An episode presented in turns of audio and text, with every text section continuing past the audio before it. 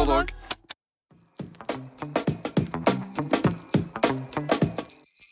Dette er da et utdrag fra Gravity's Rainbow, um, som populært kalt The Disgusting English Candy Drill. Og dette er jo da altså, Oppsettet her blir å si at uh, Slothrop, denne løytnanten, uh, hovedpersonen, han er på besøk hos en uh, kvinne som han ligger litt med. Og der får han møte hennes slektninger, britiske. Og så får han noe godteri. Og da tror jeg vi bare leser derfra. One day, just as he's entering a narrow street all ancient brick walls and lined with costermongers, he hears his name called. And hubba hubba, what's this then? Here she comes, all right. Blonde hair flying in telltales, white wedgies clattering on the cobblestones, an adorable tomato in a nurse uniform, and her name's, oh, well, oh, Darlene. Golly, it's Darlene. She works at St. Veronica's Hospital, lives nearby at the home of a Mrs. Quoad a lady widowed long ago and since suffering a series of antiquated diseases green sickness, tetter, kibes, purples, impostumes, and almonds in the ears, most recently a touch of scurvy. So, out in search of limes for her landlady, the fruit beginning to jog and spill from her straw basket and roll yellow green back down the street, young Darlene comes running in her nurse's cap, her breasts soft fenders for this meeting on the grey city sea. You came back. Ah, Tyrone, you, you're back. A tear or two, both of them down picking up citrus, the starched khaki dress rattling, even the odd sniffle from Slothrop's not unsentimental nose. It's me, love. Tire tracks in the slush have turned to pearl, mellow pearl. Gulls cruise slowly against the high windowless brick walls of the district. Mrs. Quoad is up three dark flights, with the dome of a faraway St. Paul's out in the kitchen windows visible in the smoke of certain afternoons, and the lady herself tiny in the rose plush chair in the sitting room by the wireless, listening to Primo Scala's accordion band. She looks healthy enough. On the table, though, is her crumpled chiffon handkerchief, feathered blots of blood in and out the convolus- convolutions like a coral pattern. You were here when I had that horrid quotidian ague, she recalls Slothrop, the day we brewed the wormwood tea. Sure enough, the very taste now rising through his shoe, shoe soles, taking him along. The reassembling. It must be outside his memory, cool, clean interior, girl and woman, independent of his shorthand of stars, so many fading faced girls, windy canal sides, bed sitters, bus stop, goodbyes. How can he be expected to remember? But this room has gone on clarifying. Part of whoever he was inside it has kindly remained, store quiescent these months outside of his head, distributed through the grainy shadows, the grease hazy jars of herbs, candies, spices, all the Compton Mackenzie novels on the shelf, glassy ambrotypes of her late husband Austin, night dusted inside gilded frames up on the mantel, where last tunes Michaelmas daisies greeted and razzled from a little Sevres vase she and Austin found together one Saturday long ago in a Wardour street shop. He was my good health, she often says. Since he passed away, I've had to become all but an outright witch in pure self defense. From the kitchen comes the smell of limes, freshly cut and squeezed. Darlene's in and out of the room looking for different botanicals, asking where the cheesecloth's gone to. Tyrone, help me just reach down that. No, next to it, the tall jar. Thank you, love. Back into the kitchen in a creak of starch, a flash of pink. I'm the only one with a memory around here. Mrs. Quoad sighs. We help each other, you see. She brings out from behind its cretonne camouflage a great bowl of candies. Now, beaming at Slothrop. Here, wine jellies. They're pre war.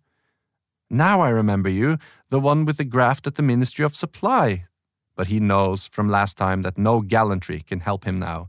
After that visit, he wrote home to Nalline, altså moren and Nalline. The English are kind of weird when it comes to the way things taste, Mom. They aren't like us. It must be the climate. They go for things we would never dream of. Sometimes it is enough to turn your stomach, boy. The other day I had had one of these things they call wine jellies. That's their idea of candy, Mom.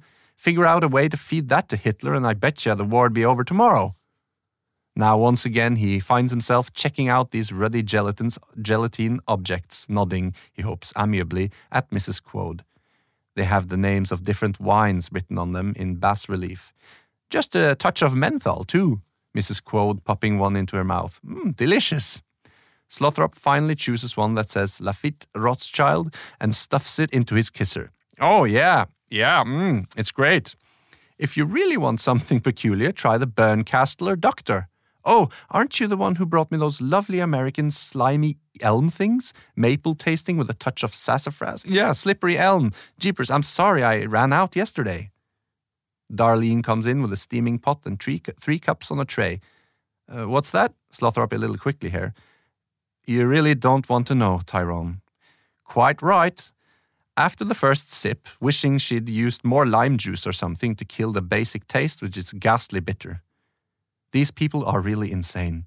No sugar, Natch. He reaches in the candy bowl, comes up with a black ribbed licorice drop. It looks safe, but just as he's biting in, Darlene gives him and it a peculiar look. Great timing, this girl, and says, Oh, I thought we got rid of all of those. A blithe Gilbert and Sullivan ingenue views years ago.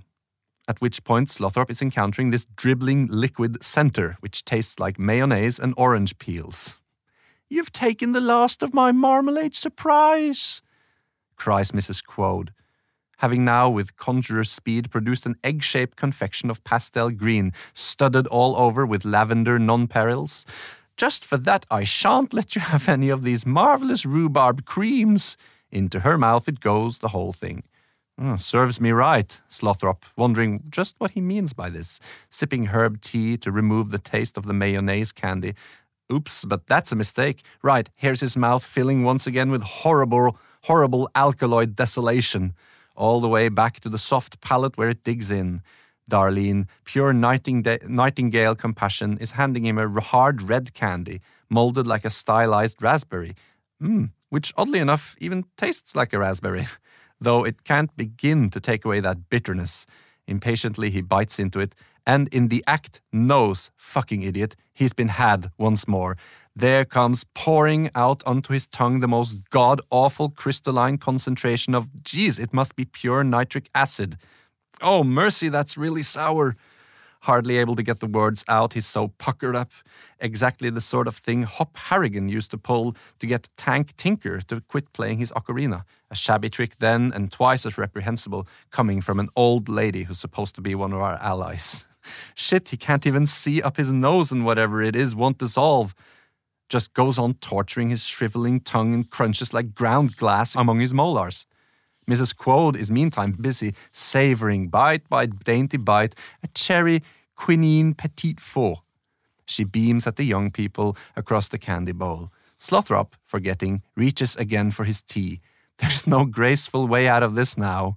Darlene has brought a couple, three more candy jars down off the shelf, and now he goes plunging like a journey to the center of some small hostile planet into an enormous bonbon chomp through the mantle of chocolate to a strongly eucalyptus flavored fondant. Finally, into a core of some very tough grape gum arabic. He fingernails a piece of this out from between his teeth and stares at it for a while. It is purple in color. Now you're getting the idea. Mrs. Quoad, waving at him a marbled conglomerate of ginger root, butterscotch, and aniseed. You see, you also have to enjoy the way it looks. Why are Americans so impulsive? Well, uh, mumbling, usually we don't get anything more complicated than the Hershey bars, see? Oh, try this, hollers Darlene, clutching her throat and swaying against him. Gosh, it really must be something, doubtfully taking this nasty looking brownish novelty, an exact quarter scale replica of a Mills type hand grenade, lever, pin, and everything, one of a series of patriotic candies put out before sugar was quite so scarce, and also including, he notices, peering into the jar, a .455 Webley cartridge of green and pink striped taffy, a six ton earthquake bomb of some silver flecked blue gelatin, and a licorice bazooka. Go on then, Darlene actually taking his hand with the candy in it and trying to shove it into his mouth. Was uh, just, um, uh, you know, looking, uh, looking at it the way Mrs. Quoad suggested. And no fair squeezing it, Tyrone. Under its tamarind glaze, the Mills bomb turns out to be luscious pepsin flavored nougat, chock full of tangy candied cubeb berries and a chewy camphor gum center. It is unspeakably awful Slothrop's head begins to reel with camphor fumes, his eyes are running, his tongue's a hopeless holocaust. Cubeb? He used to smoke that stuff.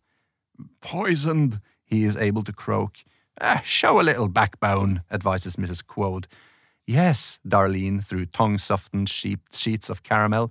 Don't you know there's a war on? Here now, love, open your mouth.